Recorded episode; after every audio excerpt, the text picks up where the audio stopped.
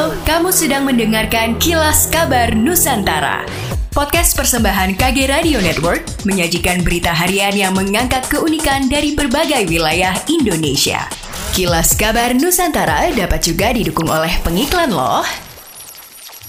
Capaian vaksinasi pelajar di Banjarmasin rupanya masih jauh dari target yang telah ditetapkan oleh Dinas Pendidikan Kota Banjarmasin. Meskipun untuk sementara vaksin COVID-19 belum menjadi syarat siswa untuk mengikuti pembelajaran tatap muka PTM. Diakui Kepala Dinas Pendidikan Banjarmasin Toto Agus Daryanto, masih ada beberapa sekolah yang capaian vaksinasinya di bawah 50%. Misalnya di SMP Negeri 10 yang hanya menyentuh angka 46%. Sedangkan pihaknya menargetkan capaian vaksinasi di setiap sekolah mencapai 70%.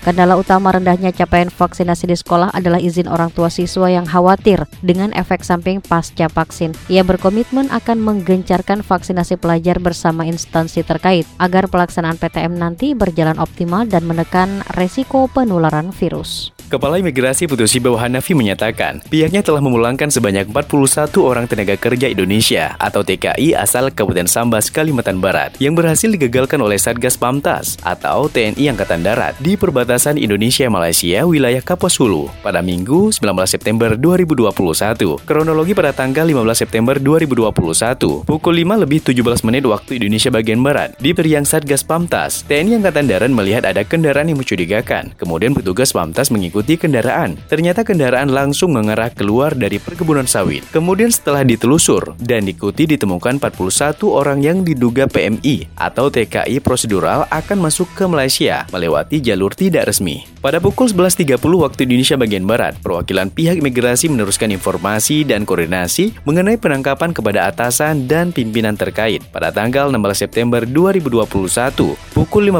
waktu Indonesia bagian Barat dilakukan serah terima antara perwakilan pihak Pamtas Yunif 144 garis miring JY ke perwakilan pihak imigrasi terkait 41 orang yang diduga PMI atau TKI non prosedural dan dua orang penyalur yang diduga melakukan tindak pidana perdagangan orang atau TPPO.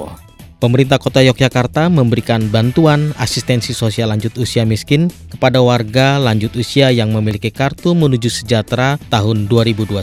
Wakil Wali Kota Yogyakarta Heru Purwadi mengatakan asistensi sosial lanjut usia miskin adalah bantuan kepada lansia atau di atas 60 tahun yang sudah masuk dalam data keluarga sasaran jaminan perlindungan sosial. Dibuktikan dengan kepemilikan kartu menuju sejahtera tahun 2021 yang bertujuan untuk membantu memenuhi kebutuhan dasar para lansia miskin miskin di kota Yogyakarta. Pencairan bantuan dilakukan dalam dua tahap. Pencairan tahap pertama masing-masing penerima mendapat total sebanyak Rp1.080.000, sedangkan pencairan tahap kedua akan dilaksanakan setelah selesai verifikasi dari pendamping asistensi sosial lanjut usia miskin di wilayah kota Yogyakarta. Heru menyatakan pemerintah kota Yogyakarta juga tetap memberikan perhatian kepada lansia non-kartu menuju sejahtera, namun dalam bentuk program kegiatan seperti kesehatan, sosial, dan berbagai hal, termasuk memberdayakan memberdayakan beberapa warga lanjut usia lewat program menjadi guru-guru di PAUD dan TK untuk membagikan pengalamannya.